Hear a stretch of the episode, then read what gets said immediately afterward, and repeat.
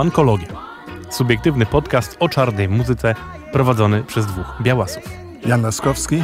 I Jakub Łukowski.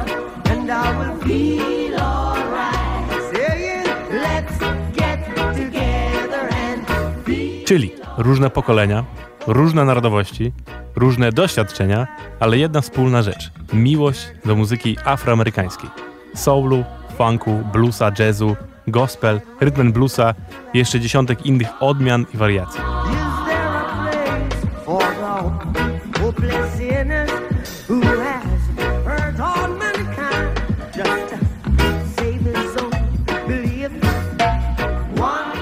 Witamy Was w naszym kolejnym odcinku Fankologii. E, No i co, jak zwykle zaczynamy od newsów. Dzisiaj mamy trzy takie no, ciekawostki, można by powiedzieć. Pierwsza z nich to magazyn Rolling Stone. E, Jak dobrze wiecie, ma takie swoje listy tam najlepszych albumów, najlepszych piosenek i paru innych rzeczy jeszcze. I teraz zrobili update właśnie 500 najlepszych utworów według nich wszechczasów. E, I, no i jest update, odświeżono, y, dodano dużo nowych rzeczy, podmieni- pozmieniano kolejność, część na pewno wywalili. No naprawdę warto sobie to przejrzeć, bo jest to ciekawostka, dużo, dużo, dużo muzyki, której myślę, że możecie nie kojarzyć, możecie się nie zastanawiać nad tym, że to są jakieś ważne rzeczy. Fajne jest to, że przy każdym z tych 500 utworów jest opis, dlaczego jest taka decyzja i dlaczego on jest ważny. No i co dla nas w kontekście tego y, podcastu, no to jest tam bardzo dużo dobrej muzyki właśnie afroamerykańskiej, zwłaszcza z tych lat 60., 70., więc warto.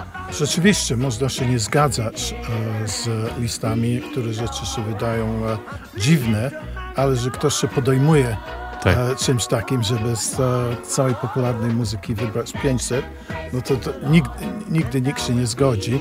Także oni też honorują afroamerykańskich czy pewne e, style muzyki. To też no, myślę, że jest pozytywne. No jest o czym rozmawiać. My zanim ten podcast się zaczął, to tam 10 minut o je, różnych dziwnych pozycjach rozmawialiśmy. Specjalnie ale- nie mówimy wam, jakie, jakie tam są utwory, żebyście mieli sami frajdę odkrywania tego, bo ta lista też, jak sobie ją znajdziecie w internecie, jest tak ułożona, że zaczynacie od tego 500 i lecicie e, Aha. po kolei aż do pierwszego, więc jakby odkrywacie i robicie o, o, serio? O nie. O, super. ja I to się znajdzie łatwo w internecie chyba. Rolling Tak, Stone, tak. Jak wpisujecie 500. Rolling Stones, 500 utworów, tam 500 records, to Mhm. songs, to, to od razu wam to wyskoczy. Myślę, naprawdę fajna rzecz do sprawdzenia. E, drugim takim newsem, to już jest bardziej mojego świata, mm, James Brown, chyba dobrze wam znany, wydał teraz nowy utwór, można by powiedzieć. A to Znaleźli. dlatego, że tak, e, z okazji e, Black History Month, który jeszcze trwa, przypominamy, będzie premiera jego nowego filmu dokumentalnego o Jamesie Brownie i to tym razem takiego, co trwa 4 godziny, to jest dwu- dwuodcinkowy, że tak powiem, film dokumentalny, tak jak poprzedni też jest, wiem, widziałem w e, produkcji Mika Jaggera na przykład, który jest zawsze był wielkim fanem Jamesa Browna, odkąd go zobaczył na żywo Nauczył w Tami Show. o czym wam opowiadaliśmy w jednym z naszych odcinków o Jamesie Brownie właśnie. E, I przy okazji premiery tego filmu, który na razie jeszcze tylko ma premierę jakoś w Stanach, więc jak ktoś będziemy wiedzieć więcej gdzie, to będziemy nawet znać oczywiście, ale e, wypuścili nowy utwór Jamesa, który nigdy wcześniej nie został upubliczniony. To jest utwór, który się nazywa We Got to Change, nagrany w roku 70 i to właśnie z taką legendarną ekipą, która się nazywała The JBs. E, czyli przede wszystkim Bootsy Collins na basie, jego brat Catfish na, e, na gitarze, e, wielki Clyde Staber, Clyde, Stab Clyde Clyde Stubblefield Stubblefield. Tak. na perkusji, czyli funky drummer tak zwany. E, no więc naprawdę ekipa legendarna. Utwór jest, jest to klasyczny utwór Jamesa Browna z tamtych lat. Nie dziwię się, że nie został wydany, bo jest to taki utwór po prostu do posłuchania dla maniaków. Nie jest to największy hit, nie jest to Sex Machine albo coś takiego, ale jakby oddaje dokładnie ducha Jamesa z tamtych lat, więc sprawdźcie sobie, jest do posłuchania już na wszystkich I to taki streamingach. dość ciekawy okres e, w karierze James Browna, jak on e, wyrzucił e, wszystkich... Nawet na- nie wyrzucił, tylko oni sami odeszli. o, Zrobili okej. walkout tak zwany. Oni zrobili, jego stara ekipa zrobiła walkout, no to on znalazł grupę młodych, e, chyba z Cincinnati. Cincinnati, tak. Tak, e, Bootsy Collins i e, jego brat plus e, cała ekipa i stworzył nową. I oni z nim, z nim byli, zanim oni odeszli od niego po roku, po dwa lata, nie pamiętam, ale to było takie e, właśnie Sex Machine, mówiłaś, taki... Tak, to, to największy hit, który wtedy stworzyli zdecydowanie. No dobra, a trzecim newsem, jakim e, mamy dla was, no to idźcie do kina, bo pojawił się film e, w klimacie, że tak powiem, naszego pod podcastu, czyli oczywiście Bob Marley One Love, który opowiada historię życia Boba Marleya. Mhm. O tym, że opowiada, to jeszcze pogadamy później. No to też końca. myślę, że e, bardzo ładne połączenie, bo dzisiaj pierwszy raz e, w historii e, funkologii mamy e, w studiu e, gościa i e, gość, który też jest połączony e, z Jamajką i z muzyki z Jamajką i e, no, Paweł, przedstaw się. Dzień dobry, moje szanowanie. E, No przede wszystkim Paweł też jest połączony z nami tutaj kampusowo. Tak jest, Stąd się, Campus stąd się znamy, no dokładnie. Pawle, E, nie, nie bierzeliśmy cię tu bez powodu, wi- wiadomo, bo ja na przykład nie będę ukrywał, jeżeli chodzi o, o reggae i klimaty jamańskie, to jestem kompletną ciemnotą i poza po prostu hitami, które no, chociażby teraz słyszałem w filmie, to, to ja niewiele wiem, więc przy, z przyjemnością będę dzisiaj robił za takiego, co będzie robił tylko tak, o, o, wow, nice. Okej, no to ja tutaj jako e, fan, ale nie ekspert e, od muzyki reggae, to e, mogę przejąć tą rolę od ciebie. No, przedstawiliśmy Pabla, e, Pablo, bo ja zawsze mam trudności z twoim e, e, nazwiskiem. To będę na ciebie mówił Pablo e, Dancehall Masakra. Będziemy po prostu trochę porozmawia- rozmawiali o połączenie e, z muzyką afroamerykańską, to jest rhythm and blues, soul, z Jamajką, jak się to wszystko rozwinęło. Też mi bardzo ciekawi, e, jako, może tego zacznijmy, że e, ja z Wielkiej Brytanii, gdzie ja się trochę wychowałem na muzyce soul i reggae i to jakby obydwa były tak, część takiej subkultury, że muzyka jamajska, co to jest tam e, taki reggae, może ska nawet, e, co, co wróciło w innej formie, takim punkowej formie, przedtem, ale ja nawet e, przed tym okresem, e, no to za mnie za, była taka e, ukochana muzyka.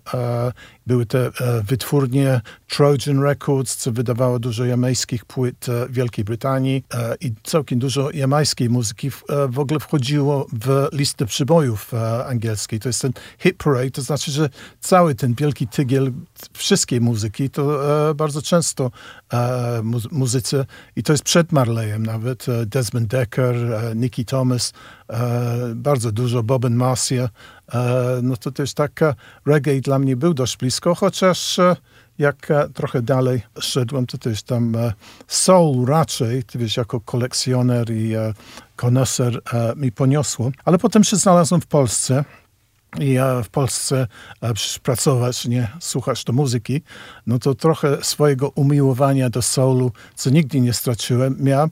I tak musiałem prywatnie się jakoś delektować e, albo swoje płyty, co większość zostawiałem w Anglii, ale ty wiesz, tam zacząłem znowu jakieś CD kupować, e, to ty wiesz, przed Spotify'em i YouTube'em i te inne rzeczy, ale jakoś znowu zacząłem b- bać, potem internet się zaczął rozwijać i widziałem ogólnie, i to jest z jednego powodu, dlaczego się znalazłem w Radio Campus, że nie widziałem za dużo muzyki soul. Tak, dorywczo, w Empiku jakieś tam były oczywiście Aretha Franklin, Marvin Gaye, coś takiego, ale może wiesz, tam też nie chodziłem po klubach, no to ten funk trochę, wiesz, jak się rozwijał e, w Warszawie mi minęło, ale zauważyłem, że jednak jest e, e, reggae ma silną pozycję w Warszawie, że no, różne festiwale e, poznałem potem przy okazji e, Pawła, ale widziałem, że po prostu coś więcej łączy Polską z reggae. Nie wiem, czy byś się zgodził, Paweł.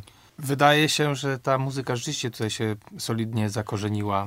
Nie byłem świadkiem tych chwil, bo jestem za młody, ale był taki koncert chyba w latach 80., y, a. Mm, w Stoczni Gdańskiej, y, gdzie pojawiły się, pojawili się artyści reggae i grali taki, to był taki wolnościowy koncert, to jeszcze za PRL-u i to gdzieś tam ym, odmieniło, czy wpłynęło na wielu muzyków i różne, różne osoby, osobowości radiowe tak zwane w Polsce i rzeczywiście to tak się, ta, ta, ta wolnościowa muzyka z Jamajki, z Wielkiej Brytanii, mm, bo to e, było zdaje się i Mistin Roots z Wielkiej Brytanii, czyli Jamajczycy mieszkający w Wielkiej Brytanii. Tak, Misty in Roots, A tak. szczerze mówiąc, tam nie, no, i, i byli artyści z Jamy, był chyba John Holt e, z, z Jamajki i to Oh, wow. rzeczywiście zmieniło, czy wpłynęło na całą tą pokolenie tych artystów y, polskich i, i, i tam zostały zasiane ziarna dla takich zespołów później jak y, czy zespół DAB, czy Izrael, no, które jeszcze w latach 90. miały naprawdę spoko odbiór, no nie? Zresztą w ogóle, no tak, no i to jest osobny temat, który można ciągnąć w nieskończoność, ale i taki wydaje mi się, że w Polsce taka płyta, która zrobiła, na, którą z tego pokolenia troszeczkę wcześniej niż ja, chyba każdy odsłuchał, to była, był taki y, long play koncertowy, wydany zresztą w Polsce zespołu Misty in Roots. E, to było chyba live at Eurovision czy coś takiego i naprawdę to wszyscy słyszeli z tych starszych moich kolegów.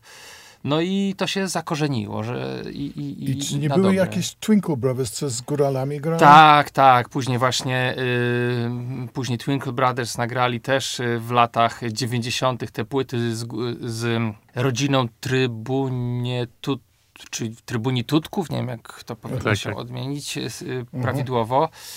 E, I to też były takie płyty, które okazało się, że w ogóle te dwa zupełnie różne style całkiem fajnie się razem składają i, i te płyty i te płyty gdzieś tam poszły w świat. Ja zresztą swój egzemplarz e, kupiłem w Londynie w 98 roku, e, chodząc po dystrybutorniach dużych. To były dla czasów miłośników winyla wspaniały, no, wspaniały okres historii. Tam była taka była taka duża dystrybutornia, SRD się nazywała i tam właśnie zapuściłem żurawia i znalazłem mhm. swoją kopię, którą y, do dzisiaj mam, więc tak, to, to, to ładnie wszystko zostało przyjęte i skonsumowane przez polskich odbiorców, oczywiście w jakiejś tam niszy i alternatywie, no ale to były też takie czasy, że ta alternatywa w ogóle chyba miała się dużo lepiej niż teraz. No tak, byle wyjść z tego właśnie narzucanego standardu, który trzeba było no, oficjalnie wykonywać. No, tak, no tak. I, z, i, z, tego wszystkiego stworzyła się taka baza wiedzy, mi się wydaje, bo pamiętam, że w kioskach były po, po polsku, e, może nawet są, e, tylko nie wiem, kto teraz e, czyta w ogóle, gazetki po polsku o reggae. Nie wiem, jak do końca z muzyką, po prostu wszystkie były winyle sprowadzone, bo nie wiem, czy jakieś tam były polskie wydania poza, poza, poza tym Misty and Roots, co mi powiedziałeś. Jeszcze chyba była jakaś płyta właśnie Twinkle Brothers. No to były takie czasy. Oczywiście ja tak jeszcze raz wspomnę, że nie byłem ich bezpośrednim świadkiem, ale były takie postaci jak, jak Sławek Gołaszewski, którzy gdzieś tam mieli mm, dostęp do płyt, czy ktoś przywoził im płyty z zagranicy i, i, i, w, w, tamtych czasach to były artykuły w takim y, periodyku muzycznym non-stop, czy y, audycje w programie trzecim y, Narodowej Rozgłośni. I, no i, i to, to w ogóle wpłynęło na to, jak to reggae było postrzegane przez całe tamto pokolenie, bo ja mam swoją, swoją te, wiele swoich teorii. Moje pokolenie już miało zupełnie inne podejście do tej muzyki i miało też zupełnie inne źródła i to jest, można by o tym napisać doktorat prawdopodobnie, ale to też te, tamte osoby miały mm, dostęp do pewnego zestawu płyt i to zdefiniowało ich rozumienie tej muzyki i później w mhm. pewnym sensie rozumienie tej muzyki przez, przez kolejne pokolenia. No i naturalnie to były te płyty, które były wydane w tych większych wytwórniach, czyli gdzieś tam Island Records, Virgin i tak dalej, i tak dalej, więc a, a mnóstwo rzeczy do nas nie docierało i, i tak. Mhm. I, I, wydaje mi się, że, do, że właśnie pod koniec lat 90. i na początku lat 2000, kiedy nastąpiła ta druga fala, to była zupełnie inna fala popularności reggae. To był ten moment, kiedy właśnie pojawił się taki dedykowany magazyn, Free Colors nazywał się i otworzył się jakiś taki kolejny rozdział i to był świetny okres. To wtedy powstało chyba większość festiwali, które, no, z których większość, z których niektóre do dzisiaj mhm. egzystują, nie? I gdzieś tam można spotkać. A, a ty osobiście, to, to zacząłeś jako fan, ale po prostu zostałeś trochę więcej niż fanem, że ja wiem, że znając ciebie, że to doprowadziło, że ty tam znasz dobrze wyspy, znasz niektórych artystów, e, jest, jesteś, byłeś DJ-em. Co ciebie osobiście e, zamiłowało po prostu? Miałeś wybór chyba w Polsce, mógł heavy metal, czy, czy, czy tam e, ich troje, czy tam disco polo, czy takie inne rzeczy. Co ciebie e, do reggae tak pociągnęło? Ja miałem w ogóle mnóstwo przeróżnych okresów, do których teraz powoli wracam na fali nostalgii.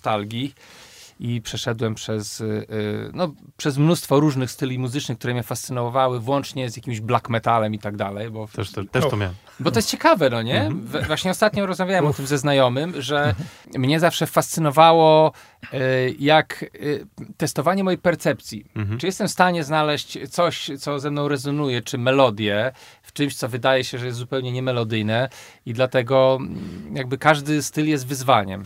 A rzeczywiście przy, przy, przy tej jamańskiej muzyce zatrzymałem się na dłużej, dlatego z kilku czynników, z kilku powodów. Jeden z nich to fascynowało mnie to, że ludzie, wiecie, tam jest tam raptem, nie wiem, niecałe 3 miliony ludzi, to mniej niż w Mazowieckim.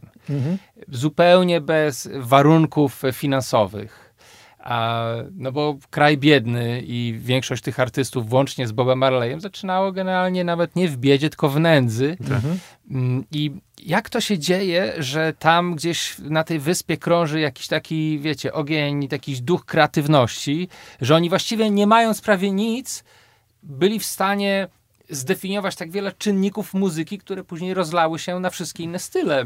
I od, do tego zaraz wrócimy. I to mnie absolutnie zafascynowało. I wydaje mi się, że takim momentem, czy takim stylem, który mnie wciągnął na dobre, to były y, nagrania z lat y, 70. Kinga Tabiego, czyli muzyka dub.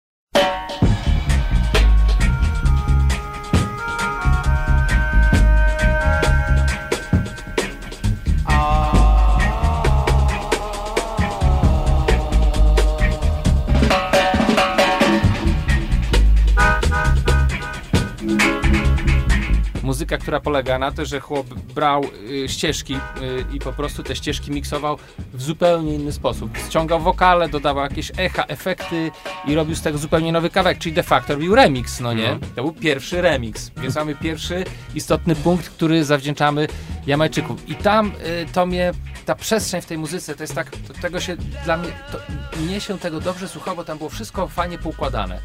Y, Po takim okresie rockowym, Mhm. e, gdzie jest, wiecie, ściana dźwięków, sfuzowane gitary, wszystko po, po prostu atakuje uszy, to było, o, tu mamy bas, nie?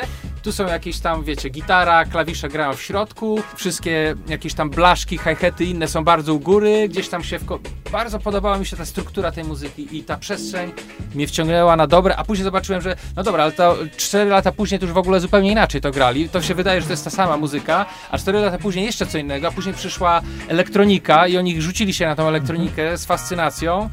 I, a równocześnie wydaje mi się, że żadna muzyka, żaden styl na świecie tak głęboko nie czerpał do, do swoich korzeni. Nawet hip-hop nie samplował i tak nie wracał bardzo yy, tak obficie do, do tradycji. Nie? To było tak, że ciągle la, pod koniec lat 90., kiedy ja się za, zafascynowałem tą, tą muzyką, wracały kompozycje, wiecie, sprzed 30-40 lat, ale w takiej nowej wydaniu, w nowym wydaniu trochę inne i to jakby, no, mnie to fascynowało. Właśnie ta ciągłość i ta kreatywność i, ta, i ten porządek, ta przestrzeń, nie? W tym dźwięku. bo ty e, mówiłaś e, o e, właśnie e, King Tubby, e, Augustus Pablo.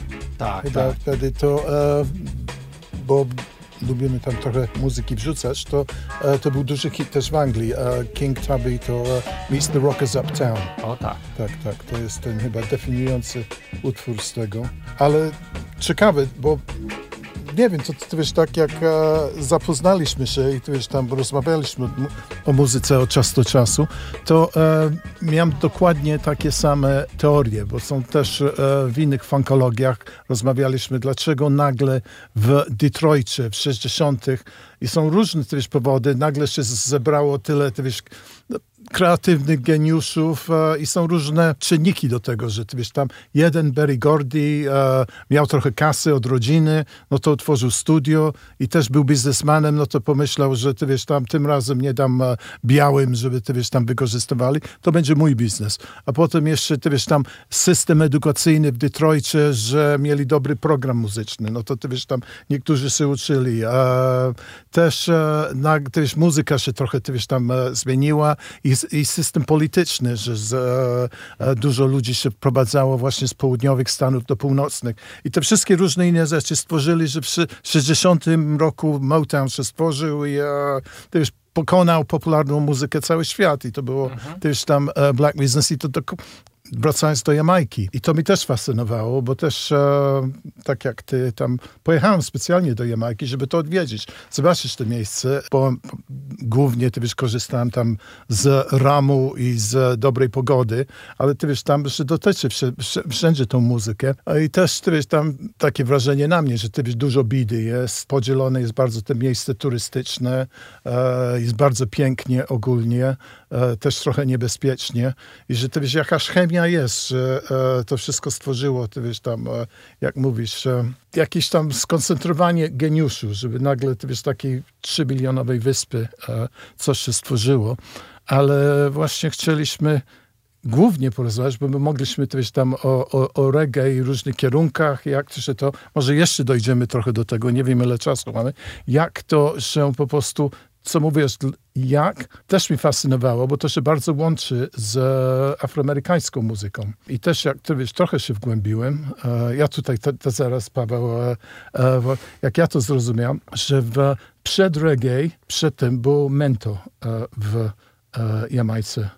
To jest ta muzyka, co była tak jak blues powstał e, w Ameryce. Biedni ludzie, niewolnicy e, z bidy, ty wiesz, takie jakby z serca swoje bóle połączone znaleźli gitary, bo to były też te wpływy trochę zachodniej muzyki i blues się stworzył, wiesz, na tych polach. A w Jamajce było też od niewolnictwa i od biedy i te mento było takie pomieszane trochę e, raczej afrykańska muzyka z calypso, e, bo ty mi kiedyś powiedziałaś o mento takie jamańskie kalipso, no, generalnie gitarki, tam jakiś klarnecik, takie mhm. rzeczy, no to taka wyjściowa jamańska muzyka, rzeczywiście. To była ta, ta, ten pierwszy objaw jakiejś lokalnej mhm. y, wrażliwości muzycznej. Co ciekawe, te płyty, te nagrania, które były wtedy realizowane, Dostałem taką dziesiąteczkę e, winylową od kolegi. Były później wysyłane do Wielkiej Brytanii, tam tłoczone i te płyty tak. później wracały na Jamajkę i były w sklepach dla turystów. No nie? I to była taka... Bo nie mieli wytwórni jeszcze Nie mieli wtedy. wytwórni, nie mieli tak, tak niczego. Tak tak. tak. Natomiast dochodziło, można było złapać fale radiowe z Miami. Mhm. Więc Jamajczycy słuchali radia i słuchali de facto muzyki soul. O, rhythm and blues. No tak, rhythm and blues, tak. tak no. Do soulu dojdziemy.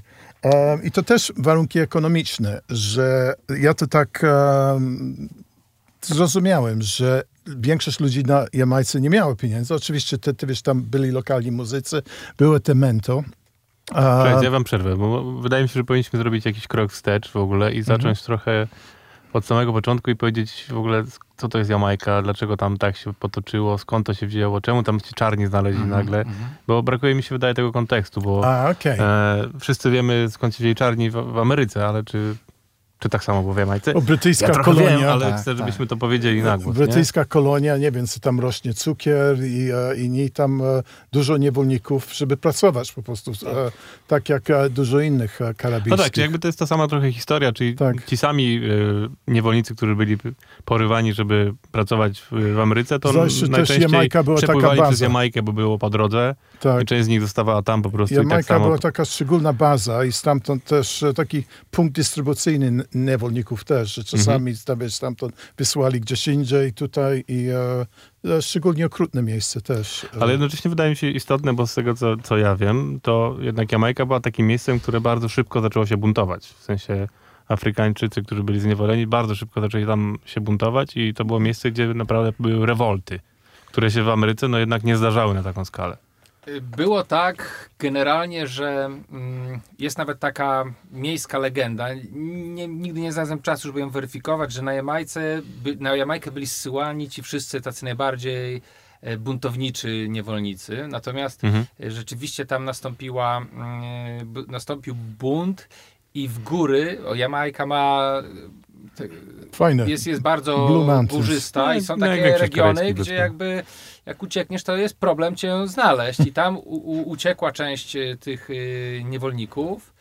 I wyobraźcie sobie, że y, jakby już nie wrócili, natomiast i z, z, zdołali zbudować y, taką pozycję, że te władze kolonialne z nimi gdzieś tam po prostu dogadywały się. Mhm. I jest też, teraz jest w ogóle taki okres na Jamajce takiego trochę re, historycznego rewizjonizmu, bo... Najwyższa pora. Natomiast mówi się o tym, zarzuca się, to, ta, ta grupa jest, to oni się nazywali Marunowie, tak? Jest teraz ten rewizjonizm polega na tym, że zarzuca się, że oni dogadywali się z władzami kolonialnymi, okay. więc jak gdzieś któryś, y, jak, jakiś był bunt i, uciekli, tak, to oni ich łapali i zwracali. No ale to jakby jest y, naturalne. Każda historia musi przejść swój, swój okres rewiz rewizjonizmu, żeby tam dojść do jakiejś Też prawdy byli Afroamerykanie, co walczyli, ty wiesz, tam z konfederatami o niewolnictwo. No to, mhm. ty wiesz, tam są też. No tak, tak natomiast, y, natomiast rzeczywiście o ta grupa to, to była taka, y, to była grupa, grupa bardzo dumnych ludzi, którzy stworzyli pewną, no przynajmniej legendę, ale to była też pewna rzeczywistość. Jest, jest jedna z tych legendarnych postaci jest niejaka Nani, jedna z, z takich y, przewodzących postaci. Kobieta, y, no i oczywiście otoczona wielką ilością legend, między innymi jedna z tych legend mówi o tym, że swoim zatkiem wyłapywała kulę, no nie? Więc pewnie miała ten całkiem y, odpowiednie, duży, odpowiednio duży rozmiar. No nie wiem, natomiast y, jest, y, jest, jest mnóstwo miejskich legend, jest czas rewizjonizmu i, i, i jest cała bardzo fajna książka napisana o tym, jak właśnie to reggae i, i dancehall i ta cała kultura, bo to była kultura biednych ludzi uciskanych, mhm. jak, jak ta kultura wykrystalizowała się de facto na plantacjach, bo jak y, ktoś to, jak ten autor to ładnie powiedział, się nazywa chyba Norman Stolzman i to książka nazywa się Wake the Town and Tell the People. On powiedział, że dni należały do plantatorów, ale noce należały do niewolników. I oni mieli, mieli swój czas, żeby jakby, żeby na organizację pewnych nie wiem, imprez, jakichś takich, y, wiecie, momentów, kiedy mogą się pobawić, wyszumieć i, i, i to był, jak on to ładnie nazwał, to był taki wentyl bezpieczeństwa, e, który powodował też to, że mniej buntowali się, a równocześnie wykorzystywali, y, budowali jakąś taką budowali jakiś taki sposób komunikacji i, i później negocjowania z tymi właścicielami a równocześnie tam tworzyła się ta e, kultura. I, ta, i, te, i te, te, te, te, te nocne imprezy na plantacjach, to można narysować taki, taki wektor i doprowadzić to do później tych imprez, które odbywały się w getcie, bo to mhm. ciągle nie było już plantatorów, nie było już niewolników, ale ciągle to byli właśnie ci, ci ludzie z getta, ci ludzie, którzy mhm. są y, no mają, nic nie mają tak naprawdę i była ta klasa rządząca, jak ktoś mówi, na Jamajce rządzi siedem y, rodzin. Y, i tak podobno jest do dzisiaj. I to jest właśnie taka paralela, tak, paralela do tego, do tych y, imprez na mhm. plantacjach, więc to jest bardzo wszystko konsekwentne i, i, i, jedno wynika z drugiego. To mnie też również Bo to fascynuje. jest pewna magia, e, bo jak mówiłeś, ja to też czytałem, że e, niewolnicy czy, czy tam pracownicy, bo też e, to, to trochę inne jest, bo to było pod kolonią brytyjską. To ja nie wiem, Brytyjczycy skończyli z niewolnictwem trochę wcześniej niż w Ameryce. Nie było tej wojny secesyjnej, ale że rzeczywiście, że, ale jednak byli właściciele i ci ludzie byli biedni, ale że to samo w Nowym Orlanie co połączy potem te radio, co zaraz, zaraz dojdziemy do, do, do radia, dlaczego to jest ważne, że w Nowym Orlanie też e, było podobny sposób traktowania niewolników, że tam zdaje się co niedzielę mogli się sprowadzać, e, tam było jakiś tam gówno, jakiś plac i oni się teraz i zaczęła się muzyka stworzyć i w Nowym Orlanie jazz się zaczął w ogóle. I właśnie, to wiesz, to była ta wolność i to jest tak sobie w głowie też, że było też te mento, te lokalne i w pewnym momencie to się uderzyło. To, co się stworzyło w Stanach, ten blues, ten jazz, nagle właśnie przez radio, że te fale radiowe się trochę zmieniły. Jamajczykom niektórym zaczęło się, e, poprawiły losy, że mogło stać im było na radia i nagle te dziwne rzeczy zaczęły ze Stanów. I teraz to wiesz, skoczyły trochę, to wiesz, tam, i to mówimy o latach 50. Mówimy konkretnie, to wiesz, o Fats Domino z Nowego Orlanu.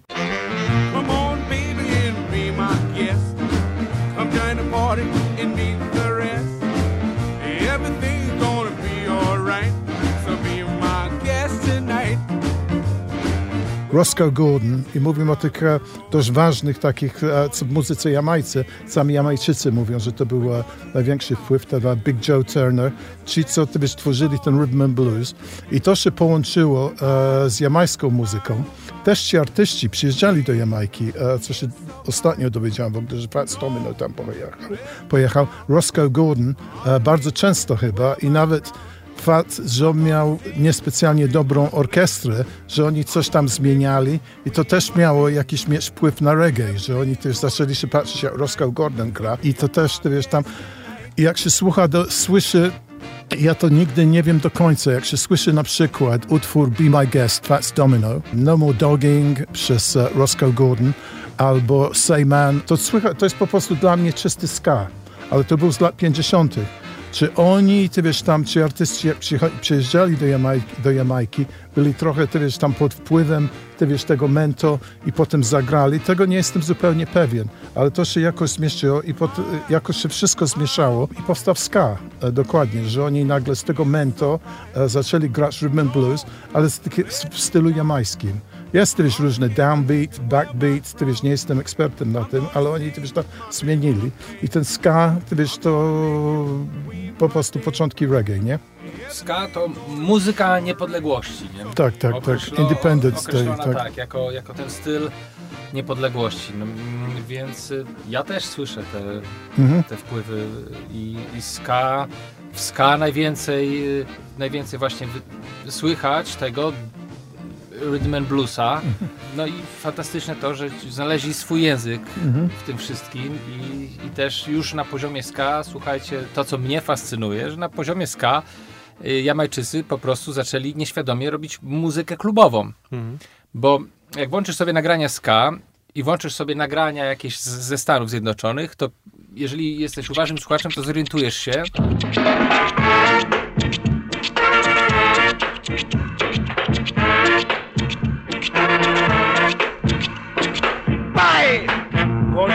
że w ska ten bas, a był, to był mhm. kontrabas ciągle, jest wykręcony po prostu już dużo bardziej do przodu niż w nagraniach y, amerykańskich.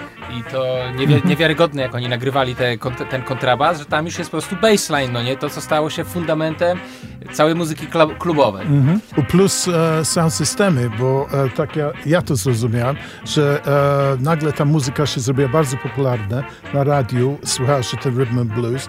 Już, ty wiesz, biznesmeni, tam zdaje się Coxon i Duke Reed, ty wiesz, tam już pierwszy tam e, sound systemy, że już zaczęli sami e, albo amerykańscy jacyś marynarze, bo tam była jakaś baza, przywiozili płyty i te płyty były właśnie e, ten klub kultura. Nie wszystkim stać było na radio, no to oni zaczęli to sound system tworzyć dla ludzi, że ludzie mogli przyjść i słychać. Ta cała DJ-ska kultura, że oni sprowadzali z Ameryki, ale żeby ich nagranie, żeby oni mieli coś specjalnego, to przykrywali, żeby nikt nie wiedział, co oni grają. I to ty wiesz, potem do Nowym Soul w 60. i do tego dnia, że DJ, ty wiesz, tam ich e, cała moc była, ty wiesz, rzadkość płyty i od sound systemów, to ty wiesz, tam e, całe DJ-stwo się zaczęło chyba. No dokładnie tak, dokładnie tak. Pierwszy jako te, te sound systemy, czyli tań, takie no, dyskoteki, to pier, pierwsze, pierwszą ich rolą było to, żeby, żeby uczynić miejsca, w których grały bardziej atrakcyjne. A te miejsca, w których wtedy grały, y, to były po prostu sklepy z alkoholem, no nie? Więc Coxon Dodd, Duke Reed prowadzili sklepy i w momencie, kiedy i sprowadzali te płyty, tak jak tak, tak, słusznie tak. wspomniałeś, zdrapywali labelki, żeby tak. nikt się nie mógł zorientować, bo chcieli mieć coś super ekskluzywnego, co znowu dało pewien fundament dla całej, dla całej, dla całego pewnego części tej kultury. No a w momencie, kiedy zorientowali się, że kurczę, może możemy sami nagrywać i, no. i tak dalej, no to jakby wybudowali studia i zaczęli produkować e, swoją muzykę i to był kolejny, kolejny krok ku temu i ta muzyka po prostu za każdym razem coraz bardziej była ich. No, zaczęli od grania de facto amerykańskiej muzyki. No. Tak, tak, tak. I potem zaczęli swoją stworzyć. Też myślę, że ci wcześniej e, muzycy też trochę wychowani, ty wiesz, tam w hotelach i na jazzu, też Ernest Ranglin tam był e, gitarzysta, co zdaje się grał na pierwszych ska płytach. E, też była była ta baza świetnych e, muzyków, co pod, wiesz, tam potem na tych wszystkich, e, tych studiach się zbierali. Bardzo szybko to się wszystko rozwinęło. Tak, natomiast warto wspomnieć przy okazji, skąd byli muzycy i gdzie się uczyli, że jednym z kluczowych, esencjona, esen, fundamentalnych miejsc dla tego pokolenia ska to była, wyobraźcie sobie, to był de facto przytułek dla y, sierot, prowadzonych przez katolickie y, siostry na Jamajce. I to tam y, uczyli się gry na instrumentach. Wszyscy najważniejsi muzycy z czasów ska. To, to byli ludzie po prostu, wiecie, poszkadowani przez życie, bez grosza przy, przy duszy, gdzie, gdzie, po, gdzie który, nad którymi pochyliły się te siostry i dały im pewne, pokazały im, dały im instrumenty i dały im pewne możliwości, a oni, a oni stworzyli brzmienie nie, nie, nie podległe Jamajki. No to mamy kolejny jakby składnik tego tyglu, nie? Że jest, wiesz, jest to radio, jest, wiesz, te med, e, mento, jest ten sklepy z alkoholem i jeszcze, ty wiesz, tam z boku właśnie potrzebna była, wiesz, taka baza dobrych muzyków i tam, e, no, kościół katolicki się jakoś... e, Akurat, mimo że Jamajka jest y, w większości tak naprawdę ewangelicka i tam Tak. katoli, katolicy to To też jakiś... na mnie wrażenie zrobiłem, jak tam. Tak, natomiast, y, natomiast trzeba jeszcze jedną bardzo ważną rzecz zaznaczyć, że y, ta muzyka to była muzyka tworzona przez ludzi z getta i to nie była muzyka, która była akceptowana przez społeczeństwo jamańskie. Ska dopiero wtedy zostało, zostało zaakceptowane na Jamajce, jak zostało wyeksportowane do Wielkiej Brytanii. Okazało się, że w Wielkiej Brytanii jest to hitem. To samo później było z Rocksteady, to samo było z, z, z wczesnym reggae, z roots reggae i Bo z tak samo. Calypso było duży, e, bardzo popularne w 50. z Trinidadu e, w Wielkiej Brytanii. Tak, bo Calypso to była muzyka, wiecie, to była taka trochę muzyka, taka cepeliada, że w hotelach, no nie? Tak. A, a, a, a ska to nie była muzyka z hoteli, nie? To była muzyka z getta i dlatego, i to Calypso to był taki produkt dla turystów, które można było kupić w sklepach dla turystów, a oni się trochę wstydzili tego, y, Jamajczycy, tego, tego swojego prawdziwego, czy tego brzmienia, które się stworzyło w niepodległej Jamajce i to było tak zawsze trochę po macoszemu y, traktowane i, i tak naprawdę wydaje się, że to się zmieniło w ciągu tam ostatnich, nie wiem, no 15 lat, bo, bo tak to zawsze ta muzyka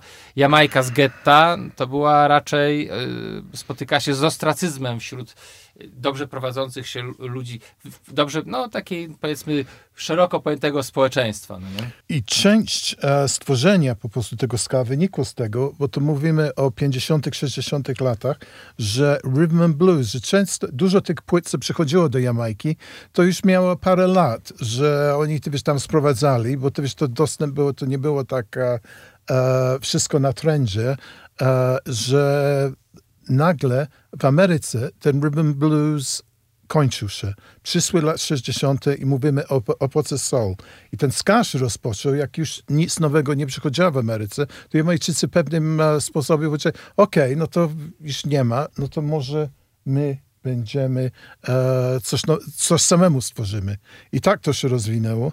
I może właśnie ty używałeś te e, Rocksteady, że właśnie to był ten następny okres, e, że muzyka soul już e, też na tych radiach nagle było, nagle brzmiało. To też sfascynowało e, Jamajkę. E, zaraz dojdziemy, jaki szczególny artysta był tutaj ważny. I że muzyka ska się trochę, czy odpowiednie słowo złagodziła i się zrobiło trochę więcej melodyjna. Ten okres Rocksteady, też tam parę lat, co stworzył, jakoś ty to jakoś zdefiniował. No to już był taki moment, zaczął od tego, żeby powiedzieć, że to był taki moment, że Jamajczycy postanowili, że teraz chcą już mieć swoją muzykę. Łatwiej tą, tę muzykę sobie robić dokładnie tak, jak chcą. Później z tego mają lepsze pieniądze, bo mają do tego pełne prawa i tak dalej, i tak dalej. E, Jest taka legenda, że podobno to było bardzo upalne lato i oni już byli zmęczeni, bo ska to jest y, muzyka grana dosyć szybko, to jest tam około, nie wiem, 120 bitów na minutę i stwierdzili, że to teraz zwolnią i zwolnili do mniej więcej tam 67-70 bitów na minutę.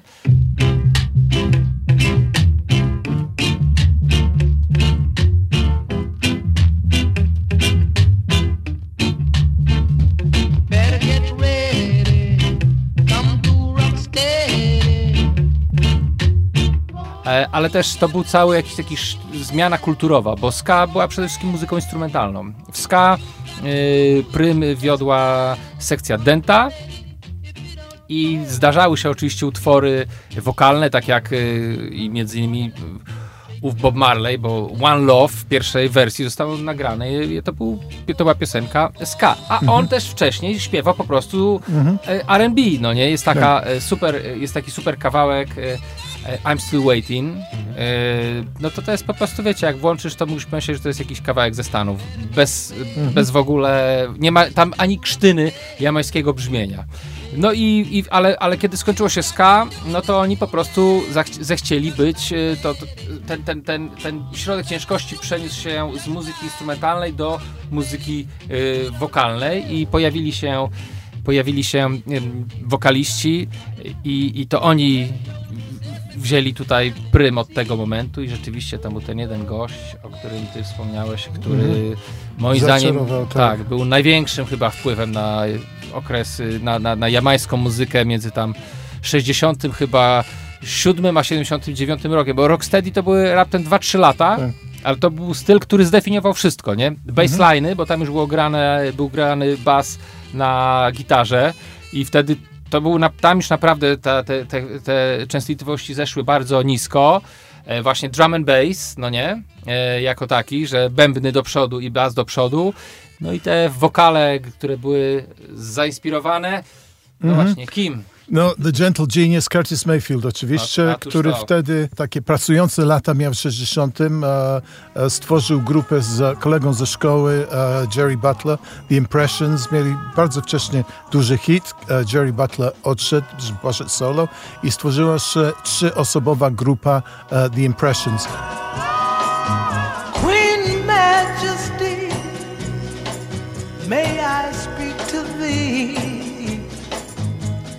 So much I have longed to speak to you alone.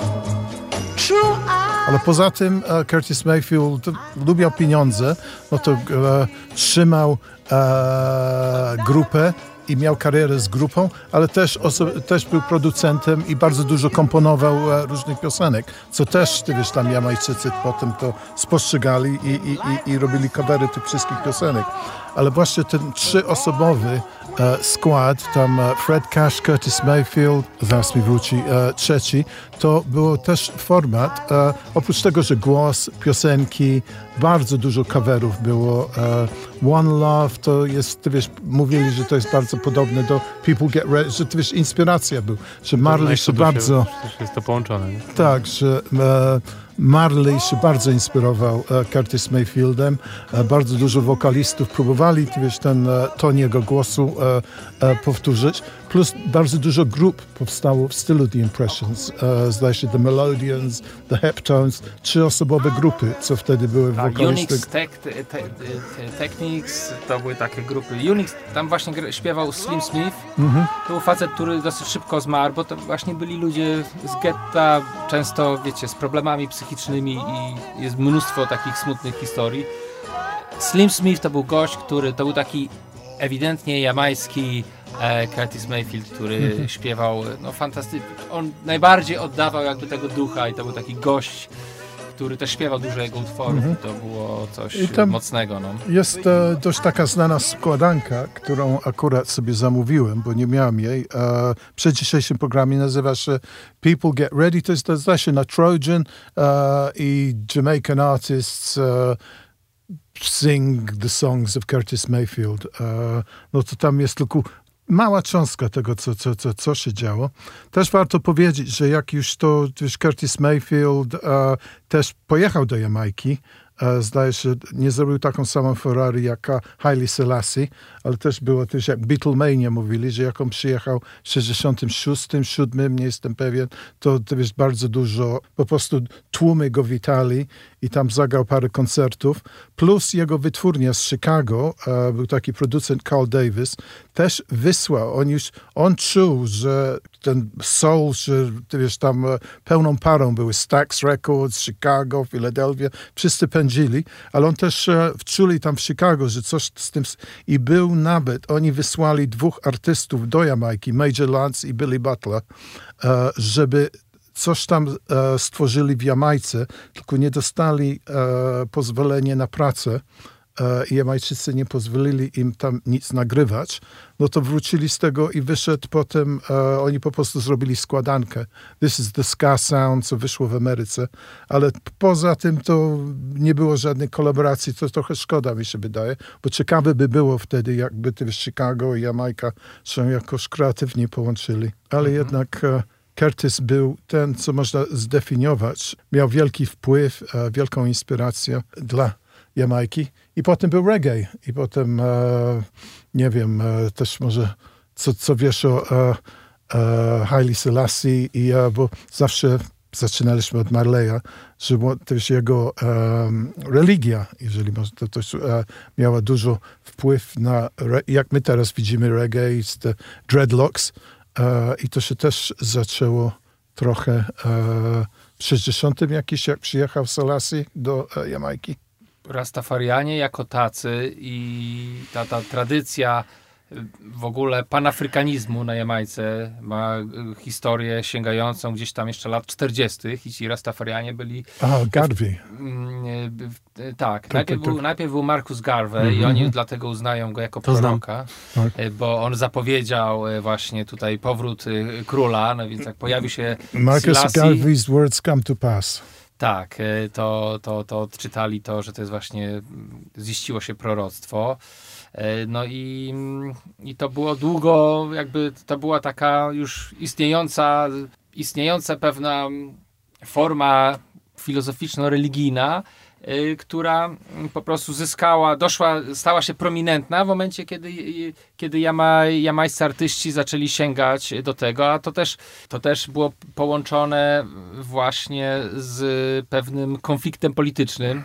Nie wiem, jak to opowiedzieć, żeby to nie było bardzo, bardzo długie, ale no to było tak, że, że ten rastafarianizm był e, i ta, to, to była pewna forma dojścia czy, czy odnalezienia swojej dumy, bez, która nie jest definiowana przez pieniądz. Przez Więc- białego człowieka też. No i, i przez tak, i była dlatego bardzo, e, to było bardzo popularne e, w tych biednych dzielnicach. Oni tam żyli skromnie, ale dumnie i jakby właśnie gardząc mamoną, a to był czas też zimnej wojny. E, Gdzie był duży strach e, po stronie zachodu, że Jamajka może stać się e, kolejną Kubą, a pojawiły, pojawili się politycy, czy pojawił się jeden polityk, tak naprawdę Michael Manley, który bardzo dryfował w stronę Kuby i to był ten moment, kiedy ten rastafarianizm gdzieś tam przykleił się, czy przykleił się to nie, ale został tak, był kojarzony z tą jego partią i stał się pewną taką formą. Nagle wcześniej oni spotykali się jedno, jednoznacznie z ostracyzmem, a w tym momencie, a ponieważ muzyka, a ponieważ politycy szybko się zorientowali, że muzyka jest dobrym medium do tego, żeby generować sobie oprócz tych y, oprócz y, gangsterów, którzy, którzy kontrolowali dzielnicę i upewniali się, że każdy z danej dzielnicy da głos, głos na odpowiednią partię, to też zorientowali się politycy, że muzyka jest dobrym medium do tego, żeby przekonywać ludzi do tego i, i budować pewną formę entuzjazmu wokół swojej organizacji politycznej. I w momencie, kiedy zainkorporowali to do swojego, do swoich, do swojego modus operandi, no to ten też rastafarianizm zaczął być troszeczkę bardziej akceptowany. Właśnie jak przyjechał ostatni, czy jedyny e, cesarz, czy to jest dobre słowo po polsku, Ostatni- emperor. Tak, osta, ostatni, no tak. Tak, e, Im- impe- czar, wiesz, imperator, no imperator czarny, jak on odwiedził Jamajkę, to rzeczywiście była furora chyba i to, wiesz, to bardzo, ty wiesz, to miał też wpływ na muzykę, nie? Że ten rastafarianizm, kiedyś jak grali też ska, rocksteady, to był taka, że takie więcej e, duchowe brzmienie weszło do muzyki. Y, Tak, no to jest w ogóle niezwykle szeroki temat, ale fakt, że przyjechał, słuchajcie, przyjechała głowa państwa z Afryki, która, z państwa, które nigdy nie było skolonizowane przez białych, państwa, które ma y, olbrzymią, które było tak naprawdę imperium y, na kontynencie, Mm, państwo, które ma olbrzymią kulturę, niezwykle bogatą kulturę. Mówimy, słuchajcie, o Etiopii, no, kraj, który, wiecie, przyjął chrześcijaństwo 500 lat przed Polską, no nie? I który stworzył naprawdę i ma niewiarygodną e, kulturę. E, no to był, to, to był pewien, odnaleźli pewien e, e, pewną cząstkę e, tego, czego, która im brakowała, nie? Bo ci niewolnicy zostali przywiezieni na Jamajkę do Stanów i zostały im odcięte y, korzenie. Jak ktoś oglądał, y, e, jak to się nazywał, korzenie, ten d- Roots, ten, y, to tam jest ta taka sławna, y, sławna scena, kiedy ten plantator y, bije tego biednego niewolnika i mówi mu, że nazywa się Tobi, a on mówi, że nazywa się Kunta Kinte i za każdym razem, jak mówi, że nazywa się Kunta Kinte, to zostaje batem. Oni po prostu zostali wyrwani, odcięci od tych korzeni i, i, i- Markus Garve i później Silasi i to, że ojej, mamy coś, z czego możemy być dumni, mamy, jak, możemy, mamy pewną, jakiś wycinek kultury afrykańskiej, nie, tą, nie w tej rzeczywistości stworzonej przez białych, tylko tej rzeczywistości, która była zawsze pod kontrolą y, Afrykańczyków, no to mnie się wydaje, że to, był, że to musiało być niezwykłe przeżycie, no nie, dla nich i No, dlatego i dlatego ten rastafarianizm stał się, po, wszedł po prostu do takiej kultury masowej. Wtedy każdy nagle zaczął za, za, za, zapuszczać e, e, dredy. Przecież byli e, artyści tacy, którzy mm, byli artyści, którzy byli niezwykle prominentni przed tym okresem, jak nie wiem, Alton Ellis, jak Delroy Wilson, jak cała Ma Bob Marley. Przecież Bob Tak, Marley jak zaczynał, zaczynał, wiecie, przystrzyżony chłopak w garniturze, no Tak, nie? tak, Dokładnie. A, I wtedy oni wszyscy za, zaczęli zapuszczać dredy i, i stawali się, Mhm. palić marihuanę i, i mówić o sobie, że są rastafarianami, to po prostu nawet się wykuł taki, e, takie hasło właśnie, taki fashion dread, no nie? Nie, bo to widać po każdym bazarze w Europie, gdzie sprzedają, ty wiesz, jakieś tam e, ciuchy, taki ta subkultura, nie, że ty wiesz tam e, t-shirty z Marleyem i ty wiesz, te, ty wiesz tam dready łączone, ty wiesz tam z barwami jamajskiej flagi. To rzeczywiście, ty wiesz tam, e, że e, bardzo prominentne. No to to wiesz, tak e, rzeczywiście potem ładnie się to łączy z co powiedziałem z tym filmem teraz, jaki to biznes się zrobił, że Marley się zrobił właśnie taki e, no symbol, nie wiem czego, Jamajki może, czy, czy muzyki reggae. Bez wątpienia postawił Jamajkę na mapie w świadomości wszelkich odbiorców czegokolwiek, kultury, e, jakiej, jakichś myśli politycznych, nie wiem, religijnych, filozoficznych i tak dalej, i tak. Ale przede wszystkim moim zdaniem po prostu był naprawdę wybitnym twórcą, no nie? Bo umiał komponować, umiał pisać, pisał świetne piosenki, miał kapitalny team, nie nie można w ogóle zapomnieć o tym, bo A, no to bracia Barretowie... Pamięci, świętej pamięci. e, Tak, no teraz zmarł chyba 5 lutego basista Aston Family Man Barrett. W 89 roku został zamordowany Carlton Barrett, jego brat, który grał na bębnach i e, reggae nikt nie grał wcześniej, ani nikt później nie grał, tak jak oni. To był absolutnie fenomenalny zestaw ludzi em, i, i, i ten Gdyby, gdy, gdyby to nie było takie brzmienie tej muzyki, gdyby to nie był taki talent, to ludzie by nie, nie Bo usłyszeli. to tego, nie? definitywnie jako, ty wiesz, tam, ja to, ty wiesz, byłem świadek tego, jak Marley się rozwinął, bo ja, ty wiesz, akurat te wszystkie Trojan, to było przed Marleyem, ty wiesz, no to można, ty wiesz, tam e, tak prawie, ty wiesz, tam i taka różnica była, że e, nawet pamiętam Marleyem zanim, jak on grał, przyszedł do Anglii i on grał jako e, kolaborant z takim solowym śpiewakiem Johnny Nash.